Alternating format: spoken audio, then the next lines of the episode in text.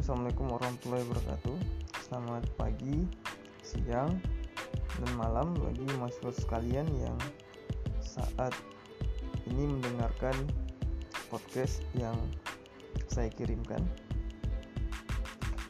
Podcast ini merupakan salah satu alternatif saya untuk menjelaskan kepada mahasiswa sekalian tentang pertemuan yang tidak bisa kita laksanakan secara tatap muka, tetapi akan terus kita upgrade melalui eh, aktivitas online ini atau aktivitas informasi yang berkaitan dengan eh, praktikum, baik melalui, melalui podcast maupun melalui media-media lainnya. Praktikum statistika ini tentunya berkaitan dengan teori yang sudah diberikan oleh Ibu Evi Silbudiani dan saya selaku pengelola praktikum tentu menyesuaikan dengan apa yang sudah beliau sampaikan agar ada harmonisasi antara teori dengan praktek. Melalui podcast ini semoga tidak mengurangi esensi pertemuan kita dan kalian juga diharapkan mampu secara mandiri dalam melaksanakan apa yang kemudian saya minta di dalam uh, praktikum statistika ini. Maka selama proses libur ini bukan berarti mengurangi aktivitas kalian dalam meningkatkan pengetahuan. Dari sekian banyak dosen pasti memiliki tugasnya masing-masing. Dari sekian banyak praktikan yang juga punya uh, tugasnya masing-masing dan saya meyakini bahwa saat kalian mendengarkan podcast ini kalian juga berpikir bahwa ini adalah tugas lagi. Dan tentunya juga akan membuat kalian sedikit pusing. Karena ini merupakan tugas statistika. Saya tidak akan memberatkan dengan itu. Eh, tetapi saya ingin kalian eh, lebih aktif dan lebih mandiri dalam proses eh, mengerjakan tugas-tugas yang saya berikan. Sebelum saya hmm, menyampaikan tentang soal-soal yang mungkin akan saya berikan, eh, pertama saya ingin menyampaikan bahwa apa yang sudah diberikan oleh Ibu Evi dalam teori-teori eh, di perkuliahan dan apa yang sudah mungkin kita diskusikan di dalam praktikum tidak jauh dari apa yang saya sampaikan. Nah, di dalam praktikum ini saya menganggap bahwa tugas yang saya berikan ini sedikit memberikan banyak waktu yang harus kalian eh, lakukan. Jadi maka ini dianggap sebagai pertemuan dua kali pertemuan. Nah, saya meminta kalian membaca dan memahami soal dengan baik. Kemudian jawablah dengan jawaban yang terbaik. Nah, apabila kalian belum menemukan soal yang belum terjelaskan oleh saya ataupun oleh Bu Evi, maka silahkan secara mandiri kalian mengeksplorasinya melalui buku, pustaka-pustaka, jurnal, ataupun melalui website-website yang berkaitan dengan uh, statistika. Nah, untuk tugas ini dikumpulnya pada hari Jumat 3 April 2020, jadi masih ada sekitar dua minggu lagi dan paling lambat dikumpul hmm, jam 22 atau jam 10 malam.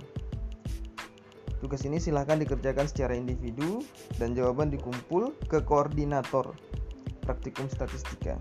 Nah, jawaban yang sudah dikumpul dikirim jawaban yang sudah kalian berikan kepada koordinator, dikumpulkan semua. Setelah dikumpulkan semua, koordinator akan menggabungkannya dalam bentuk RAR atau zip. Nanti setelah koordinator menggabungkan semua, maka kirim ke email saya. Jadi saya tidak akan menerima email-email yang bersifat parsial, email yang dikirim yang dikirim secara individu.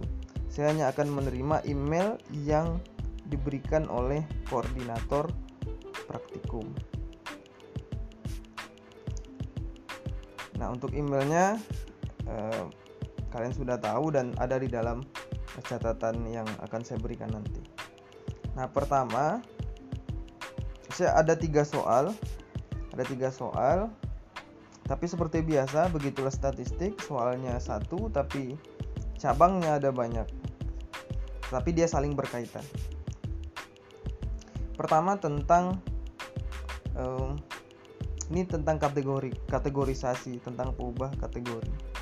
Nah ini tidak saya kira tidak terlalu sulit kalian juga sudah belajar. Misalnya contoh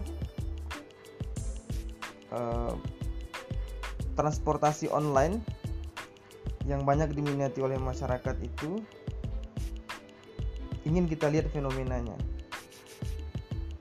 nah dari survei yang dilakukan terhadap 15 orang penumpang, kita mendapatkan beberapa data. Kita mendapatkan beberapa data dari 15 orang penumpang tersebut. Nah, datanya ada di dalam lembar pertanyaan. Nah, yang ingin saya sampaikan adalah pertanyaannya. Pertanyaannya adalah tentang transportasi online apakah yang paling banyak digunakan oleh penumpang di halte Universitas Riau. Kemudian deskripsikan dalam bentuk grafik dan tabel. Nah, ini kalian diminta untuk membuat grafik, membuat tabel. Kemudian sebelum itu kalian pisahkan dulu. Kalau yang dia minta adalah transportasi online apa yang paling banyak, nah kalian pisahkan dulu. Berarti membaginya atas berapa kategori? Tergantung daripada jumlah transportasi online-nya. Kemudian pertanyaan yang B, transportasi online apa yang paling banyak digunakan oleh laki-laki dan perempuan? serta dosen, pegawai, dan mahasiswa. Nah, berarti nanti kalian bagi lagi kategorinya. Kemudian dibuat lagi grafik dan tabelnya. Tidak sulit, hanya kalian perlu membacanya secara teliti. Kemudian soal tadi soal nomor satu, ini soal nomor dua. Soal nomor dua ini berkaitan dengan distribusi frekuensi. Nah, tadi soal kategorisasi, peubah, pembuatan tabel, pembuatan grafik. Nah, soal nomor dua ini tentang distribusi frekuensi sebenarnya eh, di kelas eh, praktikum sebenarnya sudah beberapa kali kita bahas. Mungkin di teorinya Ibu Evi juga sudah uh, sering dibahas. Dan mungkin tidak menyulitkan oleh mahasiswa untuk melaksanakan tugas ini. Nah, di soal nomor 2 saya me membuat soal itu tentang diameter pohon itu ada 45 pohon di hutan larangan adat Rumbio. Nah, ada 45 pohon. Nah, yang ingin kita lihat dari 45 pohon ini apa? Ada dua pertanyaan. Yang jawab yang pertanyaan A tentukan jumlah kelas lebarnya, selang, tengah kelas, batas kelas dan turus. Kemudian buatlah frekuensi, frekuensi relatif, frekuensi relatif kumulatif dan frekuensi persentase. Nah, itu soal nomor 2. Nah, ini saya kira sudah bisa kalian lakukan dan ini bisa kalian lihat di media-media yang mungkin membantu kalian untuk mempermudah dan mempercepat kalian melaksanakan soal. Apabila kalian ragu dalam menjawab pertanyaan-pertanyaan. Kemudian soal nomor 3 Saya agak banyak membuat uh, sampelnya. Ini ada 80 sampel spesimen kayu yang berada di Litbang Kehutanan. Ada 80, kemudian yang ingin kita lihat dari 80 ini masih sama dengan soal distribusi, distribusi frekuensi tetapi ada di bagian pertanyaan C dan D itu saya tambahkan tentang menentukan min, median, ragam, simpangan baku dan modus. Ini sebenarnya juga sudah uh, saya lihat kalau di teorinya Ibu Evi sudah pernah diajarkan. Kalaupun sekiranya belum, maka kalian secara mandiri untuk mencoba menjawab pertanyaan ini. Kemudian yang D, buatlah grafik. Grafik, diagram balok, histogram, dan poligon. Nah, minimal dari grafik ini ada dua yang kalian buat. Kalau tidak bisa tiga, minimal dua. Nah, saya kira soalnya itu ada tiga soal yang seperti biasa. Soal ini seperti pohon, tapi kemudian ada cabang dan ada daunnya. Jadi soal-soal yang ada sesungguhnya uh, tidak bukan soal yang baru tetapi juga sudah pernah dibahas di dalam teori maupun uh, praktikum secara sederhana walaupun memang tidak kompleks kita diskusikan karena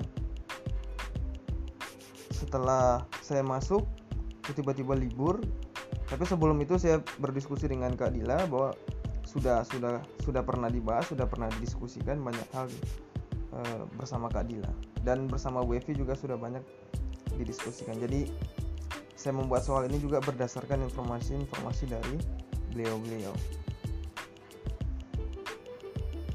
Kemudian apabila dalam soal tersebut kalian kemudian bingung, tidak mengerti, tidak mengerti dalam artian memang sesungguhnya tidak mengerti, bukan tidak ingin mengerjakan dan bermalas-malasan untuk mengerjakan. Nah, silakan kalian bertanya kepada saya untuk uh, sama-sama nanti didiskusikan dengan saya. Kemudian apabila kalian kesulitan dalam menjawabnya melalui uh, media seperti uh, aplikasi Word gitu, maka kalian nanti bisa di dalam Word itu kalian bisa nanti uh, memprint dan menuliskan apa yang mungkin tidak tercatat ataupun tidak bisa kalian lakukan di dalam aplikasi Word tersebut. Misalnya kalian bingung dalam membuat histogram. Kalian bingung dalam membuat banyaknya rumus-rumus yang tidak kalian ketahui cara menuliskannya. Nah, kalian bisa nanti printkan dan kalian tulis tangan kemudian kalian scan dan kalian kirim ke saya kalau kalian tidak bisa tetapi kalau sekiranya kalian bisa tidak perlu di print dan dituliskan.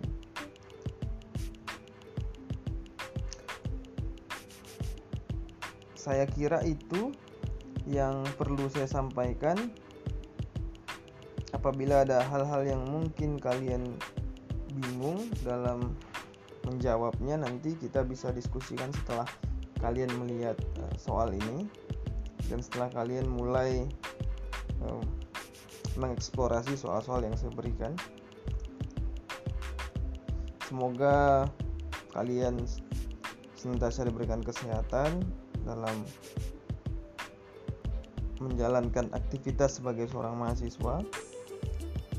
Dan semoga wabah tentang COVID-19 ini bisa segera hilang dan bisa beraktivitas kembali bertatap muka dan bisa bersilaturahmi kembali di dalam kelas maupun di luar kelas. Bagi kalian yang berada di kampung halaman yang masih tetap stay di Pekanbaru untuk untuk melakukan social distancing kemudian stay at home dan kurangi aktivitas di luar jangan nongkrong-nongkrong yang tidak baik jangan melakukan aktivitas-aktivitas yang kemudian berdampak pada kesehatan kalian. Maka itu penting karena akan berkaitan dengan keberlanjutan proses kalian nanti pada saat sudah kembali masuk kuliah. Mungkin demikian yang bisa saya sampaikan melalui podcast ini. Semoga bisa bermanfaat, membantu kalian dalam merekam informasi yang ada di dalam soal di lembaran pertanyaan. Saya akhiri. Assalamualaikum warahmatullahi wabarakatuh. Selamat siang, selamat pagi, selamat malam.